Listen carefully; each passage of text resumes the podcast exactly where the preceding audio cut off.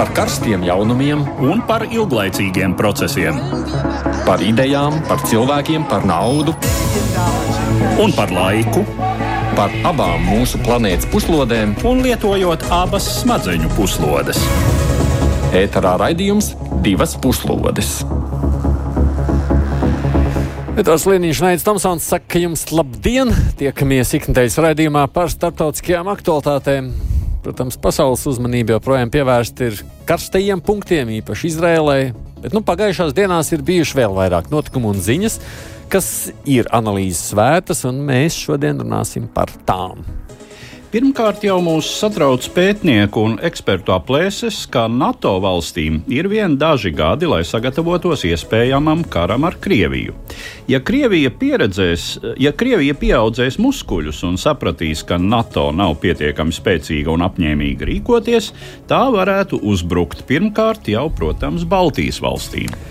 Otrs temats tā vien šķiet, ka centieni iegūt sev noskatītas teritorijas ar varu kļūst ar vien vilnošāku iespēju visā pasaulē. Venecuēlē noticis referendums, kurā tauta pārliecinoši esot atbalstījusi varas vēlmi anektēt lielāko daļu, daļu kaimiņu valsts Gajānas teritorijas.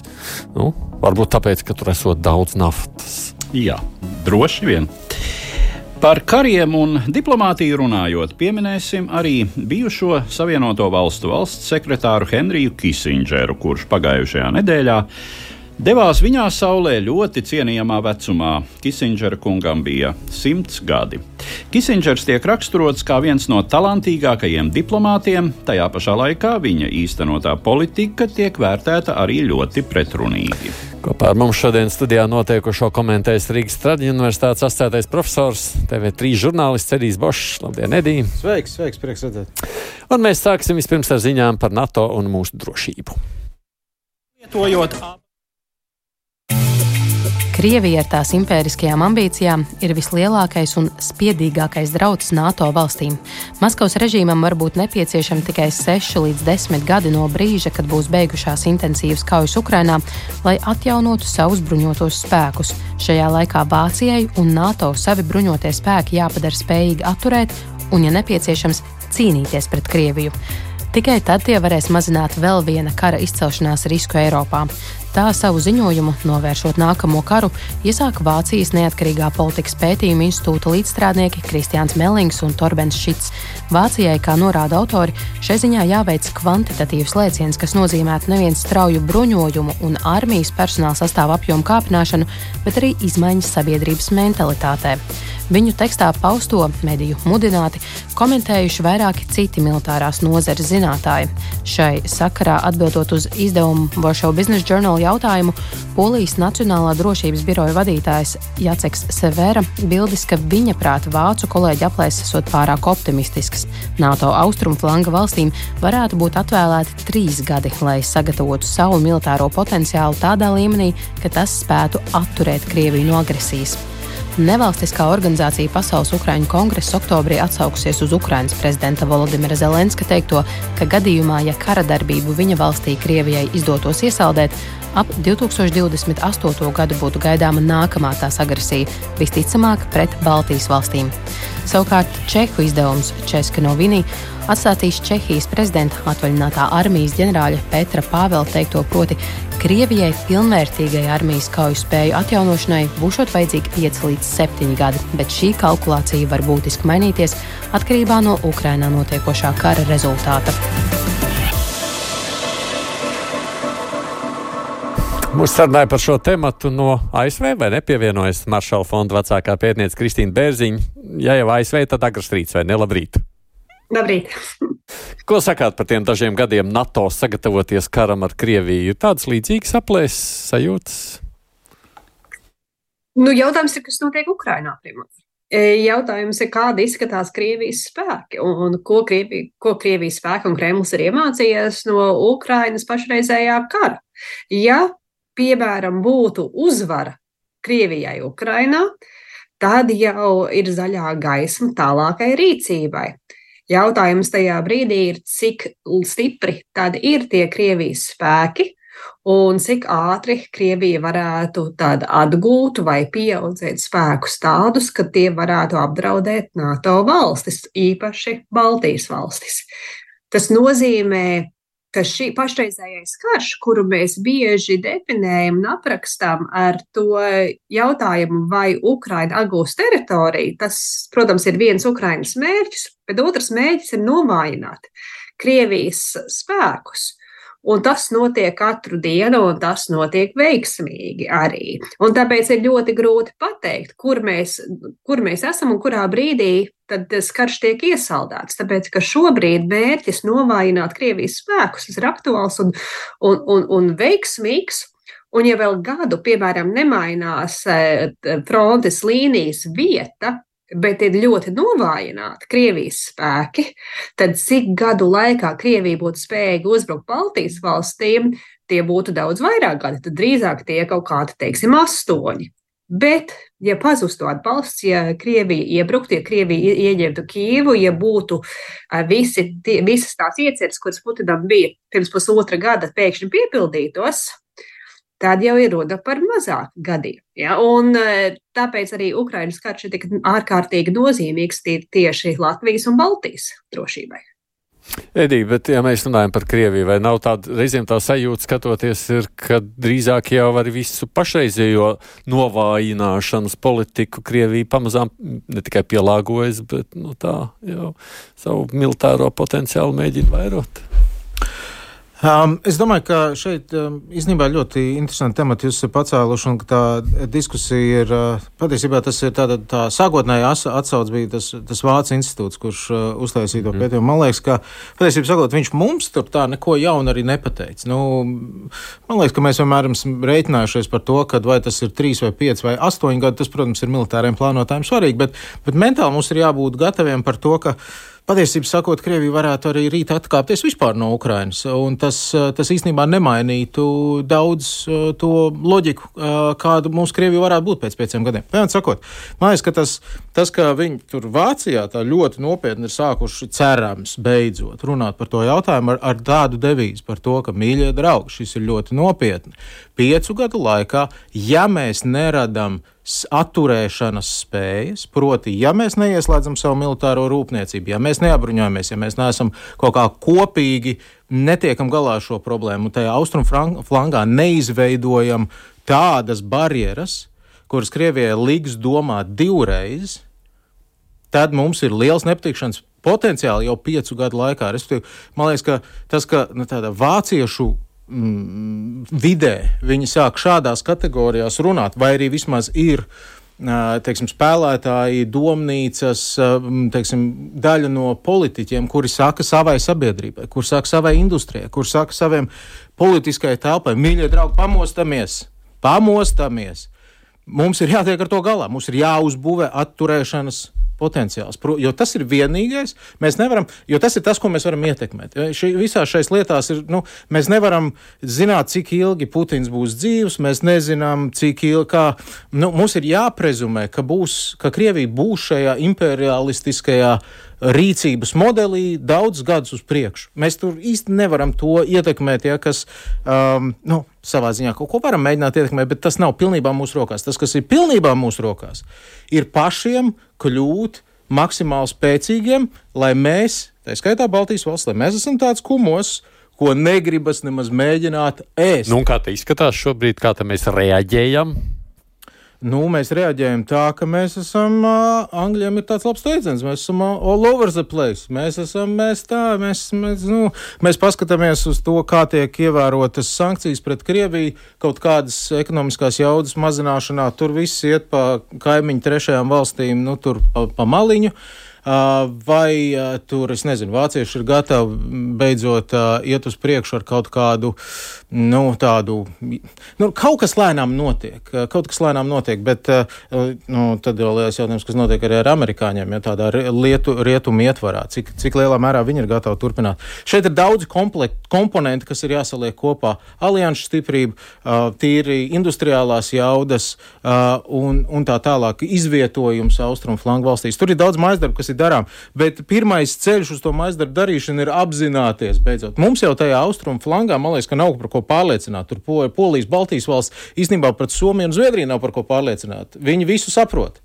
Un kaut kāda mājas darba, teiksim, attiecībā uz Somijas, Zviedrijas iekļaušanu aliansē un tam līdzīgi mūsu flangā ir jau notikuši. Bet ir baigi daudz ko darīt, Jā. lai mēs būtu tāds kumos, ko negribas kost. Un kā tev izskatās, Edvards, kā tam ir ar to darīšanu un to kumošu? Nu, par to, kā ir Latvijā, mēs zinām, ka nu, arī pietiekami ilgi mēs esam dzīvojuši tai izjūtā, ka gan jau nekas slikts nenotiks. Un tas spilgtākais indikators, piemēram, ir bumbu patvērtņu nēsamība, par ko tagad arī beidzot intensīvi sāk runāt. Kaut gan to varēja risināt jau krietni senāk. Es domāju, loģiski būtu tā, nu, tagad skatoties atpakaļ no 2014. gada vajadzēja ieviest būvniecības normatīvus, kas paredzētu jebkuram jaunceļamam, jebkurai nopietnai jaunceļamai būvēi attiecīgu nodrošinājumu šādiem gadījumiem. Bet, nu, teiksim, mēs jau tiešām tai baiļu izjūtā kustamies uz priekšu nu, pietiekami ātri.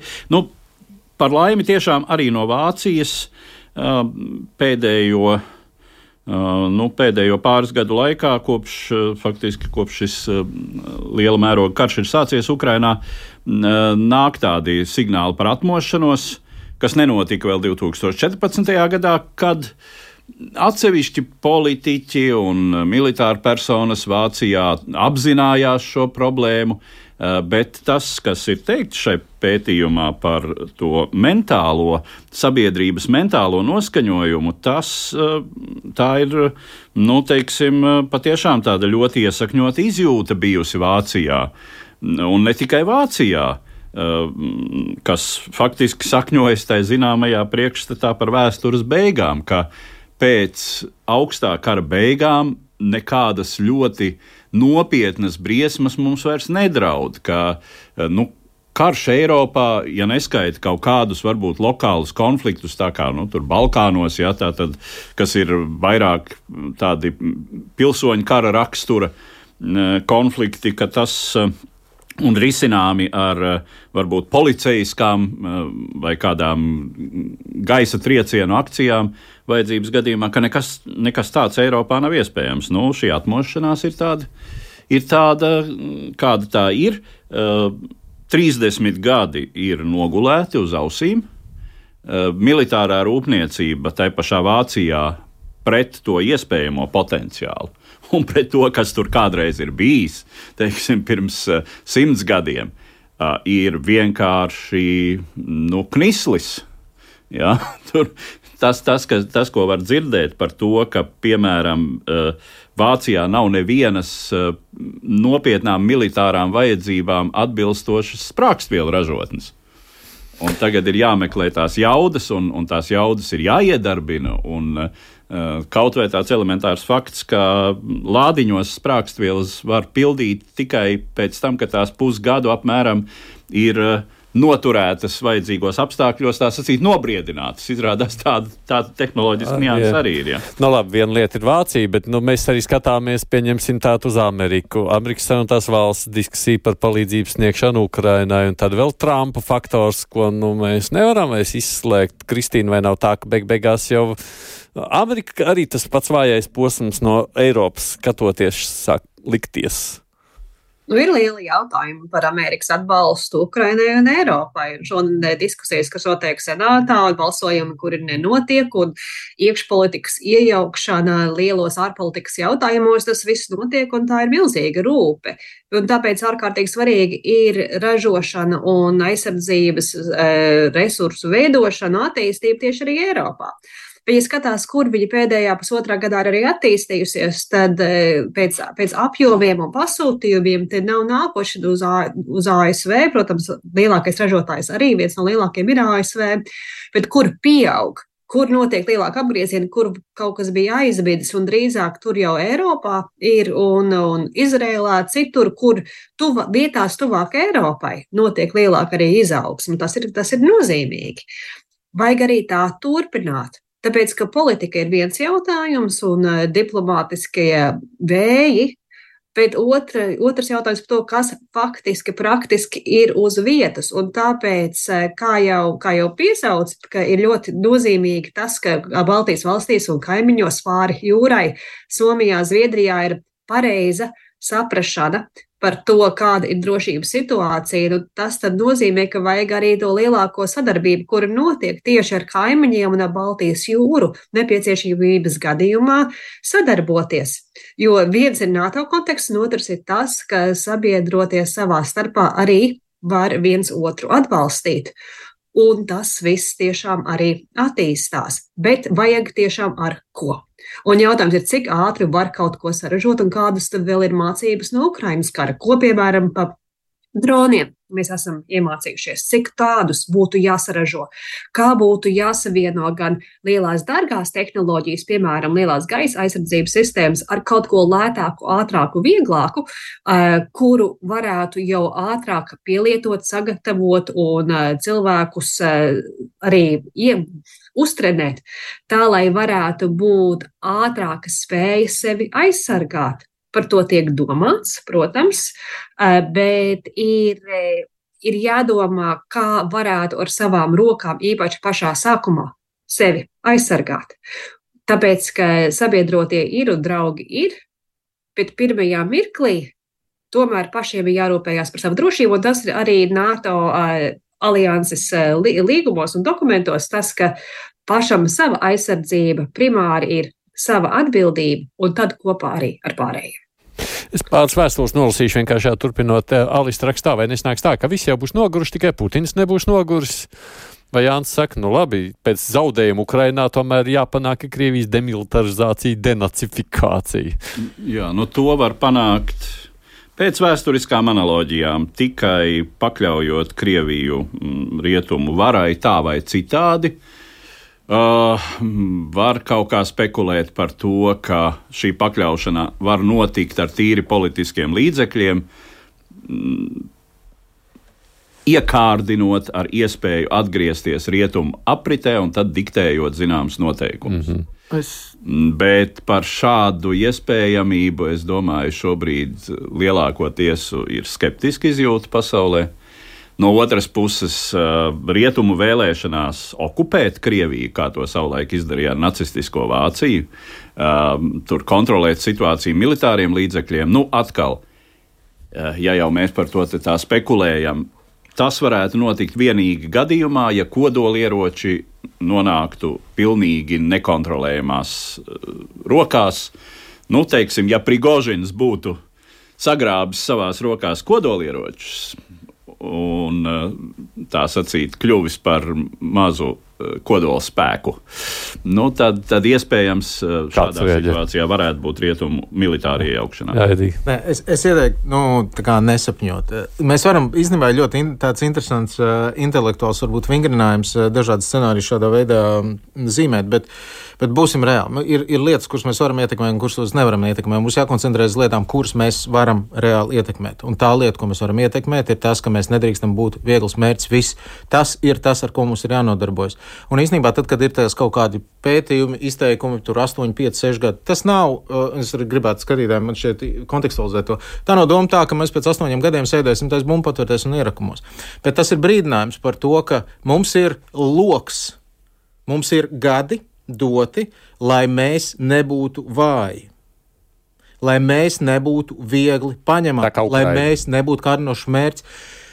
Īstenībā šī ir lielā Ukraiņas kara mācība, vismaz viena no. Putins iegāja Ukrajinā, tāpēc viņš domāja, ka tur būs viņu ar sarkano tepiķi Kievā sagaidījis. Viņš uzskatīja, ka tas būs viegls mērķis.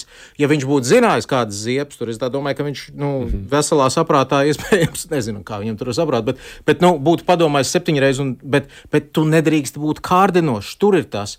Un visi šie, šie pieci, septiņi, astoņi gadi ir tas, mīļie draugi, dariet!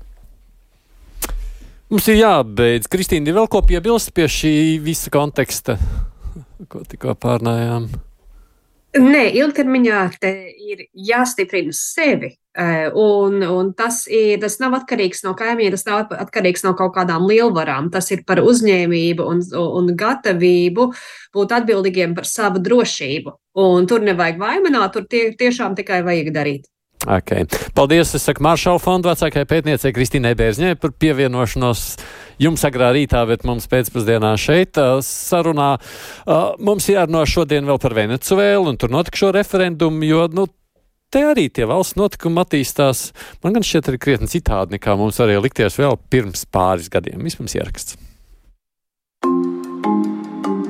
3. decembrī Venecuēlā notika konsultatīvs referendums, kurā balstiesīgajiem tika uzdoti vairāki jautājumi, kuru būtība ir, vai viņi piekrīt, ka Venecuēla anektē teritoriju, kas tiek dēvēta par Gajānu Exelibo un līdz šim bijusi Venecuēlas kaimiņu valsts Gajānas kontrolē. Laikos, kad Venecuēla bija Spānijas, bet Gajāna Nīderlandes koloniālais valdījums, robežas šais džungļu klātajās zemēs ilgi palika nenovilktas. Par strīdu sābolu teritoriju kļuva 19. gadsimta otrajā pusē, kad tagadējo Gajānu savā valdījumā bija iegūsta Lielbritānija. Venecuēla bija kļuvusi neatkarīga no Spānijas, savukārt Gajāna Ekselibo bija atklātas zelta atradnes. 1899. gadā starptautiska šķīrēties lēma jautājumu par labu Britu impērijai, taču pagājušā gadsimta 60. gados, kad Gajāna bija suverēna valstiskuma izveidas procesā, Venecuēla jautājumu atkal aktualizēja. 1966. gadā starp Venecuēlu, Lielbritāniju un Gajānu noslēgtā vienošanās paredz, ka valstis risina jautājumus sarunu ceļā, un, ja sarunu process nesekmējas, tad nodot to ANO ģenerālsekretāra izlemšanai. Pēdējais savukārt ir nodevis jautājumu risināšanu starptautiskajai tiesai, kura 2020. gadā pieņēma izskatīšanai Gajānas prasību un šī gada 1. decembrī norādīja Venecuēlai atturēties no jebkādiem soļiem, kuri varētu mainīt esošo situāciju strīdus teritorijā. Gajāna Exelibo veido apmēram divas trešdaļas no Gajānas teritorijas, tajā dzīvo aptuveni 125 tūkstoši cilvēku, jeb nedaudz mazāk nekā sastāvdaļa valsts iedzīvotāju. Pirms desmit gadiem tur atklātas bagātīgas naftas ieguls. Saskaņā ar Venecuēlas valdības apgalvoto, referendumā nodots vairāk nekā 10 miljonu balsu un apmēram 95% balsojuši par labu potenciālajai teritorijas aneksijai. Starptautiskie eksperti apšauba šo rezultātu patiesumu. Gajāna, reaģējot uz notikušo, atsaukusi savu vēstnieku Venecuēlā. Ar nosodošiem paziņojumiem nākuši klajā Nāciju sadraudzības ģenerālsekretāra Patrīsija Skotlanda, Amerikas valstu organizācijas ģenerālsekretārs Luis Almargo un Karību valstu kopienas vadība. Venecuēlas un Gajānas robežu valsts Brazīlija kāpinājusi savu militāro spēku klātbūtni pierobežas rajonos. Divas puslodes! Tiešām mums pastāv kara draudi arī tur, tāds militārs aneksijas iespējas. Nu, slikts piemērs ir lipīgs, kā zināms. Nokampt daļu no kādas kaimiņu teritorijas, ja tev tā patīk un tev šķiet, ka tu to vari. Uh, situācijā, kad paša valstī situ, uh, ir stāvoklis ir problemātisks, kad sabiedrība Uh, ir pietiekami ilgi dzīvojusi bēdīgos apstākļos, trūkumā. Nu, pamatā tās ziņas, un ko mēs arī šajā raidījumā esam runājuši par Venecuēlu, nu, briesmīgs trūkums, elementāru produktu deficīts laiku pa laikam, elektroenerģijas padeves pārtraukumi, nu, faktiski izgāzusies šī populistiski sociālā politika. Un pie tam policijasks režīms, pastāv pastāvīgi un vispārīgi brīvības ierobežojumi un tā tālāk. Un te pēkšņi atcerēsimies, likās, taču vēl pirms pāris gadiem tas Maduro režīms par varētu krist, tur jau taču divu valdību vai ne, un Jā, bet... vēl viens it kā starptautiski atzīts prezidents, kurš. Maduro režīms noturējās, nu, pagaidām eh, tādu konkrētu signālu, kā tur varētu būt pielicis roku tieši Krievijas režīms Tādu īsti nav, bet no otras puses, nu, Kremlim būtu ļoti izdevīgi, ja rastos vēl viens punkts, kas piesaista Savienoto valstu uzmanību, tas ir tuvu Savienoto valstu robežām. Jautājums, kā tas varētu tieši, un ja tur tiešām izvēršas tāda kaut kāda militāra darbība, mm, nu, Gajāna ir par Venecuēlu daudz mazāka Pagaidiet, pagaidām mazliet, jā, bet, Edī, kāpēc tā jautāja, man liekas, tas tā interesanti šķiet, nu, viņš jau tas režīms tur bija uz izdzīvošanu, bet te pēkšņi referendums 95% iedzīvotāji saka, jā, ejam, dabūnam vēl vienu teritoriju sev bloku. Kā es domāju, nu, jebkurā valstī ierosināt referendumu par to, ka kļūsim lielā, mēs par impēriju kļūsim tagad. Jā. Nu, es domāju, ka liela daļa valsts varbūt tā kaut kādā saviņojumā Latvijā, varētu Latvijā par abreni. Jā, nevis par abreni, nē, mēs. Roņu zāle. nē, nu, nē, noliksim to malā. Tas izklausās absurdi, bet uh, patiesībā tā lielā man šķiet, pirmkārt, mācības stunda. Um, es nezinu daudz par Latviju Ameriku, bet nu, tie spēku samēri tur ir diezgan, tā gājā, diezgan švāki. Man liekas, ka viņiem ir bruņotie spēki 4000 cilvēku teritorija, tur milzu milzīgā. Kopumā, man liekas, zem miljonu ir iedzīvotāju skaits piepratim 30 miljoniem. Nu, tur militāri īsti nav nekāda varianta. Un mm. es atsaucos uz mūsu iepriekšējo stāstu. Diemžēl starptautiskās attiecības ir diezgan mēdz valdīt ļoti bieži, kā mēs to redzam, un arvien vairāk pēdējā laikā mēdz valdīt džungļu likumu vājos apēd. Un, uh, un kāpēc gan neapēst? Ja nav, ja policists ir devies brīvdienās, pie kā mēs 30 gados bijām pieraduši, vairāk vai mazāk kritizējām no biksēm ārā, bieži vien amerikāņu policistu, ja kurš tur bāzi šur tur un visur, kur degunu. Bet tad, kad policista nav, tad likumi nestrādā. Tā ir pirmā mācības no starptautiskajām attiecībām. Likumam ir, likums ir likums tikai tad, kad ir policija. Tad, kad, tad, kad policijas nav, tad likums ir laba vēlējums. Nu, šobrīd starptautiskā tiesa pateica, Venecijā nedariet tā. Nu, labi, starptautiskā tiesa nevar definēt, ka Venecijā nevar referendums būt. Nu, tā ir iekšpolitiska lieta, referendumā, par ko jūs gribat no vienas puses. Nu, tad, kad ja, ja, ja Venecijā faktiski mēģinās anektēt kaut kādas teritorijas. Nu, redzēsim, viņi tur burtiski šodien tur lemj. Ja Maduro man pateica, reku, tas ir mūsu. Jā, Ejam iekšā, kārt, sākam urbt naftu. Kā, karte šodien jau ir ieejama nu, nu ja viņš, ja, vi, ja, ja viņš no, no vārdiem pāries pie darbiem, un es neredzu, kāpēc viņš nepāriet pie darbiem, ja viņš reiz uz tā ceļa ir sācis. Nu, tur visādi varbūt paskatīsimies. Bet tad mēs redzēsim kārtējo atkal piemēru, kur starptautiskā institūcija, starptautiskās tiesības, starptautiskā tiesa no drošības padomu UTT nav nekāds miera garantētājs, nav nekāds starptautiskās kārtības uzturētājs. Tas viss paliek uz papīra tajā brīdī, kad tu esi vājš. Un tad mums gan te ir uh, labs piemērs no vēstures, un tas ir 90. un 91. gads un Sadams Huseins, kurš arī iedomājās, ka Kuveitu var tā ieiet, paņemt, uh, un pēc tam gan jau, jā. gan jau, un rezultāts tabulā. Piemērs, rezultāts tabulā, bet tas ir viens izņēmums viens vienīgs izņēmums. Brīdis, ta, tas ir, es teiktu, tas ir nevis tā, uh, piemērs, kurš Uh, uh, tas ir izņēmuma piemērs, kurš īstenībā apstiprina pretējo likumsakarību. Ne, nekad citādi tas nav noticis. Tas ir vienīgais brīdis, kad Gorbačovs ar Bušu 991. gadā abi ir sadevušies rokās un dejo polku viens ar otru. Un ANO drošības padomu beidzot vienu reizi savā 45 gadu vēsturē. vēsturē es minēšu uzreiz vēl vienu piemēru, tas ir Korejas karš. Bet Padomju Savienība nepiedalījās ANO drošības padomus lēmumos tajā brīdī. Jā, un tajā pašā laikā Padomju Savienība bija liela un varena proporcionāli šī brīža Krievijas varēšanai. Uh, un neskatoties uz to, bija apvienoto nāciju spēki, tā tos sauca, un, nu, kas pamatā sastāvēja no Savienoto valstu karaspēka kuri nu, mēs varētu noslēgt derības par to, vai mēs redzēsim vēl jebkādu piemēru. Labi. Nav labi, nav labi slēgt derības uh, es, tur, kur ir runa par cilvēku. Es gribu pieslēgt tagad telefonu, tāpēc, ka mums ir pie telefona arī Nacionālās aizsardzības akadēmijas vadošais pētnieks Jānis Bērziņš. Bērziņkungs, labdien! Labdien!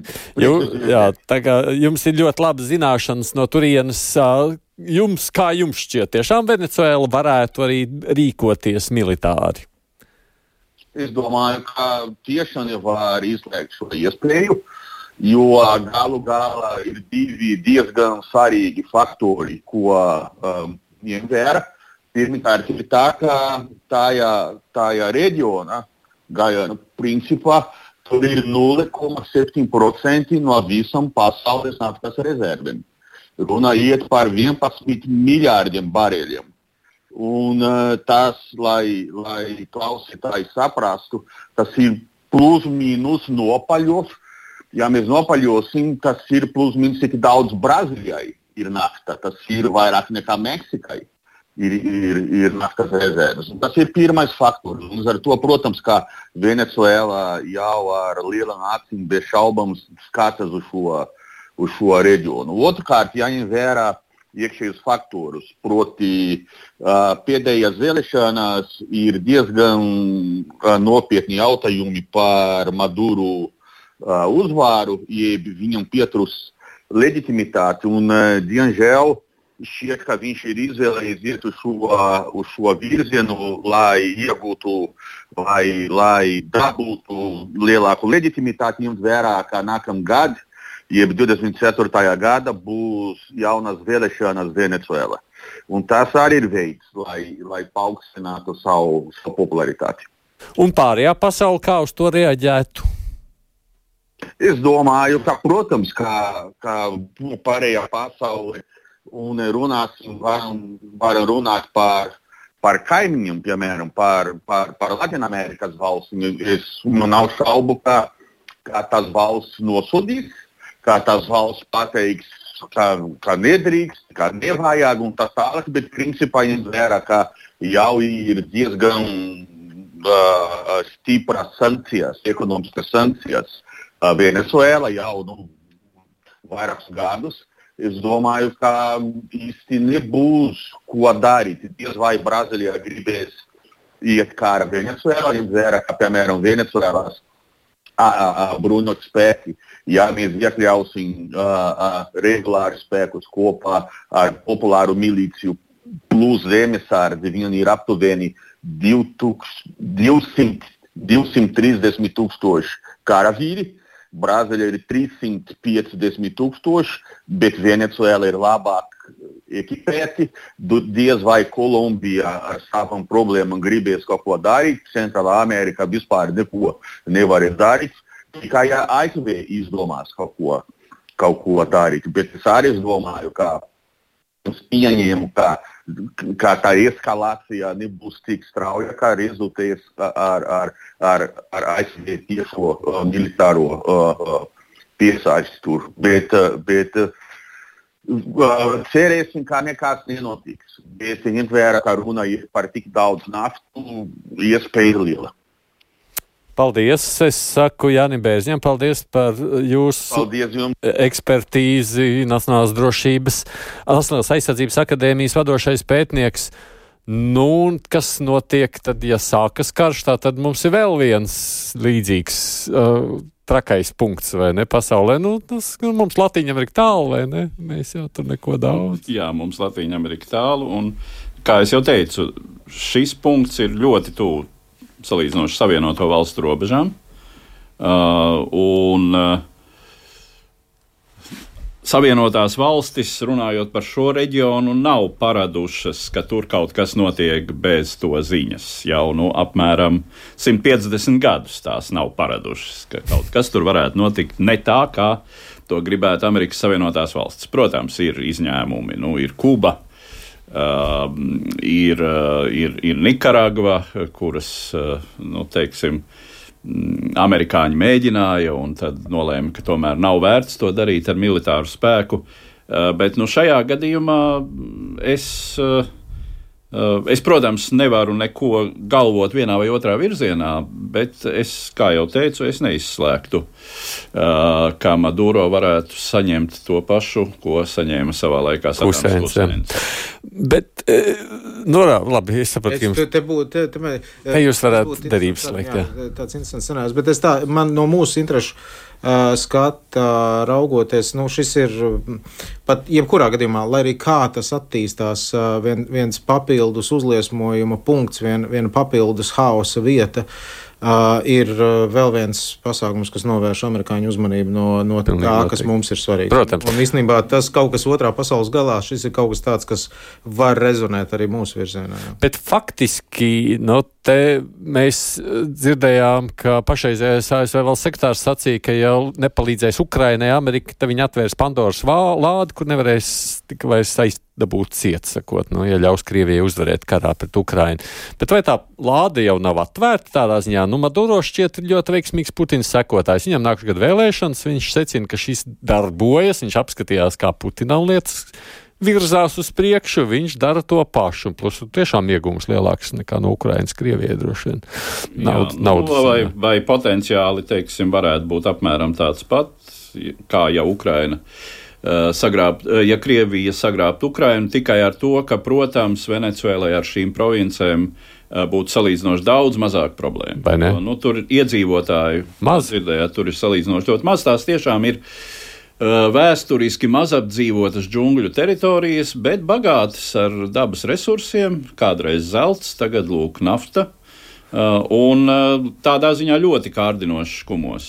Un no šāda es varu piebilst, tā, ka uh, um, bišķi atsaucoties mūsu to disputu, kas sākās ļoti interesants.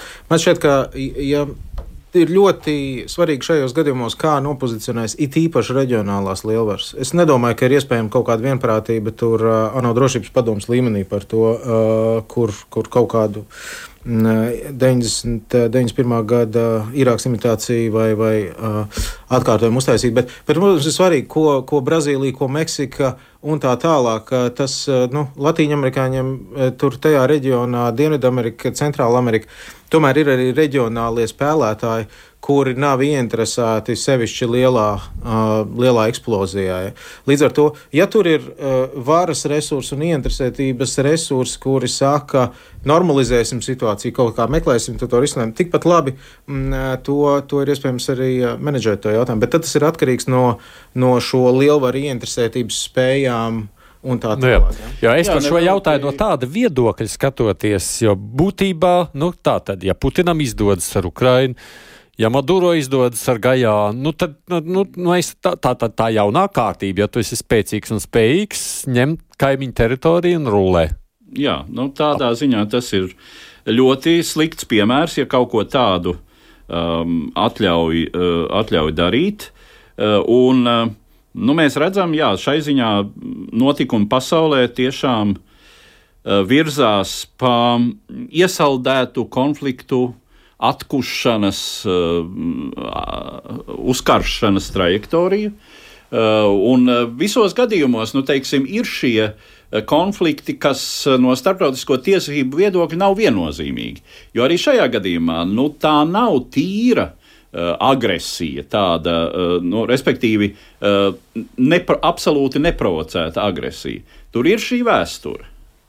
Tur ir šī vēsture, ka tā patiešām ir strīdus teritorija. Eh, un eh, tas konflikts tiešām ir vecs, un eh, tikai nu, līdz šim neviena ne otra puse nav uzskatījusi par iespējamu un vajadzīgu to risināt ar kaut kādiem militāras agresijas līdzekļiem. Tas, starp citu, ir jāpiebilst, ka nu, Lielbritānija uh, arī nav gluži šai sakarā vienaldzīga, jo tā ir kādreizējā Britu koloniālā teritorija, un Lielbritānija arī jūt zināmu atbildību. Bez tam, nu, jāsaka tā, Britiem arī šis precedents varētu būt ļoti netīkams, ievērojot eh, mums zināmo Falklendu salu situāciju, kas arī ir tāds pats iesaldēts konflikts eh, un salīdzinoši nu, vēsturiski nesen bijis visnotaļ karsts konflikts starp Lielbritāniju un Argentīnu. Uh, un līdz ar to nu, šāda robežu pārskatīšana uh, un šo konfliktu risināšana uh, pēc principa, kurš stiprāks, tam arī taisnība. Nu, to ne, negribētu, es domāju, pieļaut. Ne, ne Savienotās valstis, kas, kā jau teicu, ir radušas dominēt šajā reģionā, ne Lielbritānija, ne arī Francija, kurai Eh, kuras aizjūras teritorija atrodas eh, arī burtiski dažu simtu kilometru attālumā no, šī, no šīs konflikta zonas. Mm. Tā ka nu, tur ir pietiekami daudz spēlētāju, kuri, es atkārtošos, varētu tomēr būt gatavi Maduro iedot pa nagiem. Mm. Nu, skatāmies, kā tur. Es jā, varētu turpināt strīdu, bet tas man, man šis sāk iepatikties. Es nezinu, man ir, man kaut kā ir cits. Nu, šis optimistiskāks skats. Ne, tas ne, nav optimistiskāks nu, skats. Nu, ir mazliet jo, optimistiskāks nekā uh, sakot, ka, nu, lūk, tur kārtījā savāc savu teritoriju stiprākais vinnē. Nu, tā ziņā es esmu pilnīgi viensprāts ar kolēģi, ka tā tad. Uh, Ja tas būs, ja tā būs militāra attiecību kārtošana, tad eh, mums tas nekādā ziņā mums tas noteikti par labu. Par to šaubu nav nekāda. Jā, gribēju piebilst. Jā, nu redz, man liekas, ka mēs daļai no tās. Es atgriežos pie tā mums īstenībā vitāli svarīgā jautājuma, ko mēs skārām sākumā. Man liekas, ka daļa no lietas, daļa no domāšanas veida, no kura ir jātiek ārā mūsu daudziem rietumu kolēģiem, un tā skaitā arī mums, mums ir tāds legālistisks, eh, bieži vien pārlieku, es teiktu, hipotēzi izvirzīt, pārlieku legālistisks priekšstats par starptautiskajām attiecībām. Eh, ar starptautiskajām tiesībām ir tāda problēma, to, ka tur ir daudz advokātu, bet maz tiesnešu. Jūs iedomājaties, ja mums tiesa notiktu par jebkuru, nezinu, slepkavības lietu, un, un tiesā ir tikai advokāti un prokurori, tikai advokāti. Nav tiesneša, kurš arbitrē un pasaka, kuram ir taisnība un nodrošina šo lēmumu izpildi. Starptautiskās tiesas ties, nav, bet, nu, nav nu, piespiešanas mehānismu. Nav piespiešanas mehānismu. Uh, un, vai arī viņš nefunkcionē 99% gadiem šis mehānisms. Jebkurā gadījumā mēs atgriežamies pie tā, ka tu nedrīksti būt vājš šajā vidē. Šī ir pietiekami bīstama vide, kuru, uh, kuru skatīties uz man pienākas, man ir tiesības un tā tālāk, tas strādā tikai ļoti daļēji, ļoti kaut kādos specifiskos apstākļos. Tas kaut kad var nostrādāt, un es redzu, ka mēs ar to varētu turpināt strīdēties. Bet, bet šis ir tas, ko es gribētu likt aiz auss. Mūsu, tā skaitā mūsu neatkarība. Nevienas valsts pastāvēšana un neatkarība nav nodrošināta tikai tāpēc, ka šai valstī ir tiesības eksistēt ir jābūt jaudai, ir jābūt gribai, ir jābūt spēkam eksistēt. Šī ir mm -hmm. starptautiskā vide, ir pietiekami brutāla. Tā ir džungļu vide. Un tieši tāpēc mēs runājam par atturēšanu. Kas ir labākais priekšnoteikums tavai pastāvēšanai? Nevis tas, ka tev ir tiesības, kas ir labi, ka tev ir tiesības arī, bet priekšnoteikums tavai pastāvēšanai, priekšnoteikums, ka tevi cerams neaiztiks, ir tas, ka tu esi grūti sagramojami. Labi. Reiz tā esam pie starptautiskajām tiesībām. Mums ir vēl viens temats, kam gribam nedaudz veltīt uzmanību. Šoreiz tas ir pagājušā nedēļā aizsaulē aizgājušā ASV politiķa un diplomāta Henrija Kisingera pieminēšana. 29. novembrī pasauli aplidoja ziņa, ka 101. dzīves gadā savas šīs zemes gaitas beidzis politologs, diplomāts un politiķis, kādreizējais ASV valsts sekretārs, Nobela miera prēmijas laureāts Henrijs Kisingers. Dzimis Vācijas ebreju ģimenē, kura bija spiesta pamest dzimteni bēgot no holokausta, Henrijs Otrajā pasaules karā cīnījās amerikāņu armijā. Pēc tam studēja Harvardā un kļuva par profesoru šai vienā no prestižākajām pasaules augstskolām. Pirmos soļus politikas laukā viņš spēra kā republikāņa Nelsona Rokfellera vairāk kārtējo nominācijas kampaņu konsultants, bet 1969. gadā, kad par prezidentu kļuva Rokfellera partijas biedrs un sāncens Ričards Niksons, tika aicināts ieņemt ietekmīgo nacionālās drošības padomnieku posteni. Tā iesākās viņa ārpolitikas veidotāja slavas laiks, kas kulminēja 1973. gadā, kad Kisingers ieņēma arī valsts sekretāra amatu. To viņš saglabāja arī tad, kad pēc Watergate skandāla demisionēja Niksons un vietā stājās Geralds Fords. Šīs periods palicis vēsturē kā tā saucamās detantes superlielvalstu ASV un PSRS attiecību relatīvas uzlabošanās laiks, un šajā procesā nozīmīgi nopelni bija valsts sekretāram Kisingeram. Tāpat lielā mērā viņa rokās bija Savienoto valstu uzsāktais dialogs ar Ķīnas Tautas Republiku, amerikāņu spēku atvilkšana no ilgstošā militārā konflikta Vietnamā, tuvo austrumu situācijas līdzsvarošana pēc tā saucamā salīdzināšanas diena kara un citi tā laika globālie procesi. 1977. gadā, kad Džeraldu Fordu prezidenta amatā nomainīja demokrāts Džimijs Kārters, Kisingers aizgāja no politiskās skatuves, taču palika joprojām viena no ietekmīgākajām figūrām ārpolitikas ekspertīzes vidē. Žurnāla Foreign Affairs autors Timotejs Naftalī aizgājējiem veltītā rakstā pauž citēju: Henrijs Kisingers tagad pieder vēsturei, kuru viņš pats palīdzējis veidot.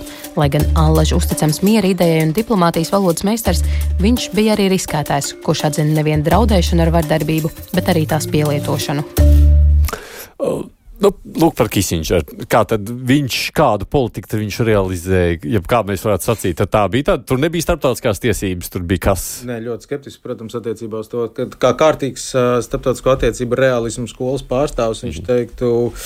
Uh, nu, nepaļaujieties. Ja tiesības var pastāvēt uh, tur, kur, uh, tur, kur ir spēks aizmugurē, kas nodrošina šo tiesību realizāciju. Um, paš, pašus par sevi tiesisks, starptautisks tiesisks režīms nepastāv pats par sevi. Ļoti skeptisks attiecībā par kolektīvās drošības jautājumiem. Un šeit es gribētu vilkt tādu profesorisku, terminoloģisku atšķirību starp starptautisko starp, uh, kolektīvo aizsardzību un kolektīvo drošību. Ārkārtīgi skeptisks par uh, Tautas Savienību, par uh, ANO, tā skaitā kolektīvās drošības, kā kolektīvā drošība kā mehānisms, kā no, nodrošināt mieru pasaulē. Tad viņa priekšstatos um, lielu varu, miedarbība, tāda savstarpējas cieņas miedarbība, kas mums kā mazai valstī ir tā izklausās bieži vien tā, ja, kur mēs varam dabūt, kur mēs varam palikt ārpus borta. Un īstenībā Kisindžera priekšstatos mēs arī diezgan ilgu periodu bijām ārpus borta. Ja nemaldos, tātad 75. gads, tā, tur, kur viņš kā uh, Uh, Kisindžers kā amatpersona um, vistuvāk, man liekas, saskars ar mūsu jautājumu. Viņa amatpersonas gados ir 75. gads. Ja nemaldos, viņš ir uh, valsts sekretārs. Uh, jā, vai varbūt valsts sekretārs un Nacionālās drošības padomus. Viņš tur ir, viņš tur ir savienots. Vienīgais, kurš savienots. Viens sakot, Čeralds Fords brauc parakstīt 75. gadā Helsinku vienošanos. Un, nu, kas ir par nu, robežu nemainību un tā tālāk. Tā, tā, tāds viss no mūsu viedokļa, mūsu tiesiskās turpinātības visām lietām, viss tāds visriskantākais brīdis, kad notiek pēc otrā pasaules kara, tā tad ir tas brīdis, kad ir dziļais augstais karš un 75. gads atslābuma periods, un tā skaitā ir arī vienošanās ar Padomju Savienību par to, ka robeža nemainība. Un, un ar tādu izteiktu baltiešu spiedienu, ar kaunināšanu, kaunināšanu, Baltijas valstu jautājums parādās, nu, es nezinu, kura tā atsauce ir, bet, bet amerikāņi piestiprina beigās vienā pielikumā atsauc par to, ka ja mēs respektējam robežu nemainību Eiropā, tādas kādas ir, tādas kādas ir robežas, tādas viņas ir, izņemot tālā atsaucē um, par droši vien par nepatīku Kisindžeram, ko viņš publiski nepaustu, bet, bet viņu vajadzēja piespiest, lai to tur piestiprinātu. Ja? Jo tas ir periods, kurā visi uzskata, ka nu, Baltijas valsts ir beigta balli, tur ejam tālāk, domājam kaut ko tālāk. Ja kāds cilvēks, kurš domā, uh, kā Viņam tāds ļoti, es teiktu, pesimistisks, protams, skats par starptautiskajām attiecībām. Lielā, lielais, lielā lieta, kas mums ir jāpanāk, mums ir jānovērš lielvaru karš. Tas ir tas, ar ko mums ir jādarbojas. Tā ir tā, tā, tas ir tas lielais mērķis, kas jāsasniedz. Nevis tik daudz uzlabot pasauli, darīt viņu labāku un tā līdzīgi, bet tā ļoti pesimistiski raudzīties uz to, kas vispār ir iespējams starptautiskajās attiecībās, ka tās tie ir džungļi un ka uh, tur labākais, ko tu vari darīt, ir izvairīties no lieluma lieliem mēsliem, teiksim tā lielvaru kā arī izteiksmē. Tā kā tas ļoti pretrunīgs uh, vīrs, katrā ziņā no akadēmiskā vidē, vi, vi, bet viņš ir, viņu ir interesanti lasīt. Ar, viņš ir vēsturnieks, viņam koncept, viņš viegli saprotami raksta, līdz ar to viņam tā akadēmiskā karjera tāda, um, tās grāmatas ir vērts lasīt katrā ziņā. Bet no, no viņa darbības viedokļa, nu, mums jārēķinās, ka viņš ir lielvalstu kategorijās domājošs cilvēks, uh, kas šādi nu, varbūt tad nesavietojam ar tas, kā mēs redzam savus intereses un savu vietu. Kā tu raksturotu?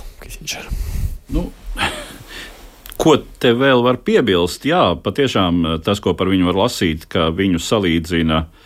Mm, par viņu saka, ka varbūt viņa īstā vieta būtu bijusi nevis 20. bet 19. gadsimta politikā līdzās tādiem vīriem kā Talērāns vai Firsts Meternihs vai Otto von Bismarks, kuri tajā laikā ar tā laika politikas tikumiem eh, daudz vieglāk būtu samērojama mm, teiksim, Kisindžera uztvere un eh, viņa, eh, viņa tā sacīt, modus operandi. Viņa darbības principi.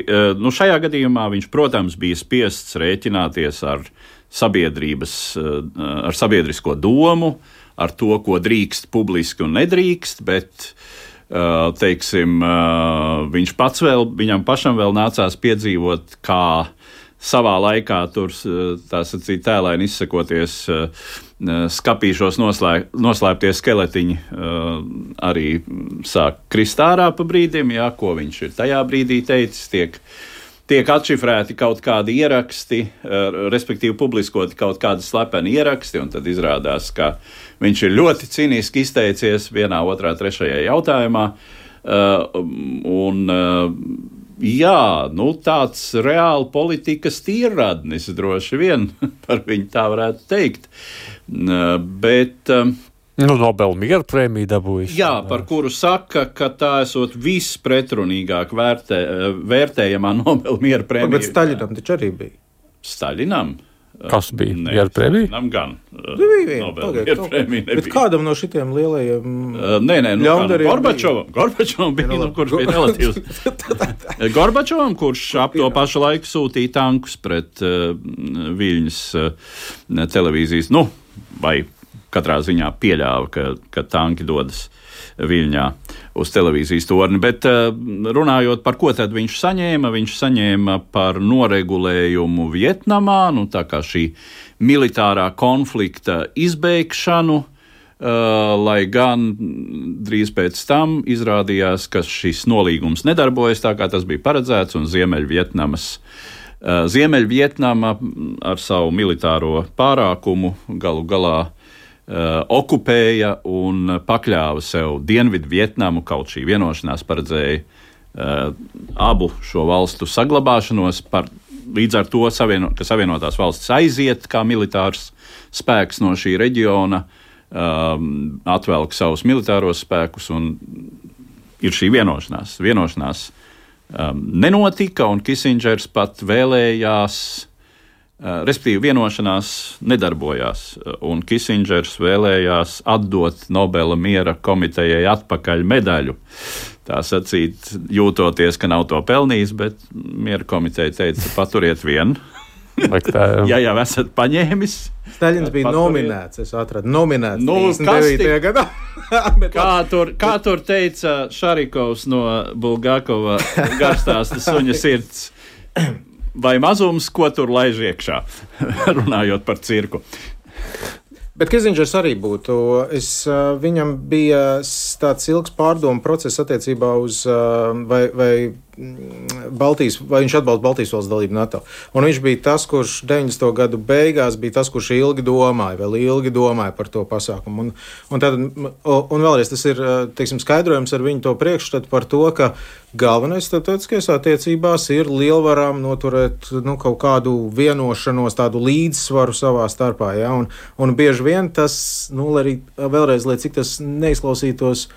Teiksim, netaisnīgi un, un, un riebīgi no mūsu skatu punkta, tas tad šis domāšanas veids var prezumēt to, ka mazie, mazie brāļi paiet malā. bet jā, šobrīd tā domāšana jau joprojām ir. Bet vai viņa ne? nekur nepazūd. Jā, Un īstenībā tas bija tas punkts, ko es gribēju varbūt pastrīdēties, um, kur tu teici par, par to, ka viņ, viņš, viņš būtu viņš tā kā 19. gadsimta domātājs. Un tur varētu piekrist, jo, jo tas ir arī viņa galvenais pētniecība objekts, un par to viņš grāmatas un disertācijas rakstīja. Bet viņš gan oponēta, es tagad viņa vietā reinkarnējos un saka, viņš teica, bet lietas jau nemainās. Uh, viņš teica, laikmeti mainās, bet patiesībā sakot, lietu kārtība starptautiskajās attiecībās mainās tikai kaut kur niansēs. Lielās lietas nemainās. Līdz ar to tas, kas 19. gadsimtā bija spēkā, ir spēkā gluži tāpat kā gravitāte, ir spēkā arī 21. gadsimtā. Bet par to var gan strīdēties. Par to nav. var ļoti strīdēties. Nu Jā, vēl jāpiemina, ka, protams, Kisingera mūža beigas iekrāsoja tieši Ukraiņas tēma.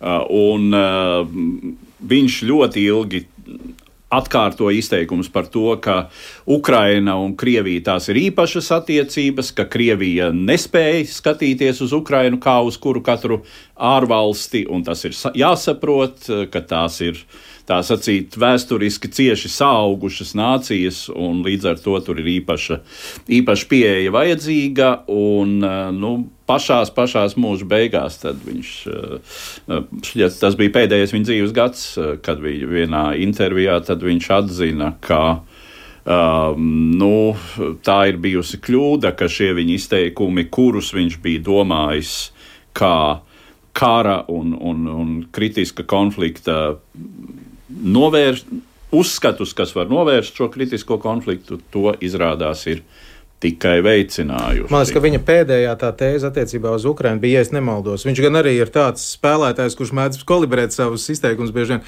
bet viņa pēdējā tēze bija tāda par to, ka uh, šī kara rezultātā Ukrainai pienāktos būt NATO, bet uh, visticamāk ar uh, 24. februāra robežām. Tā bija tā viņa tēze. Reizi.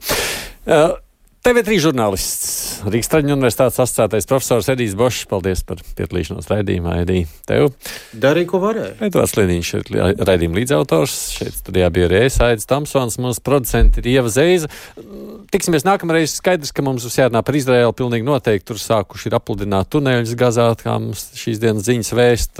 Tur būs daudz, kas jāskatās, kā situācija attīstās tur un kas viņi zina, kas vēl notiks. Tā kā es saku līdz nākamajai reizei atkal pēc nedēļas. Divas puslodes!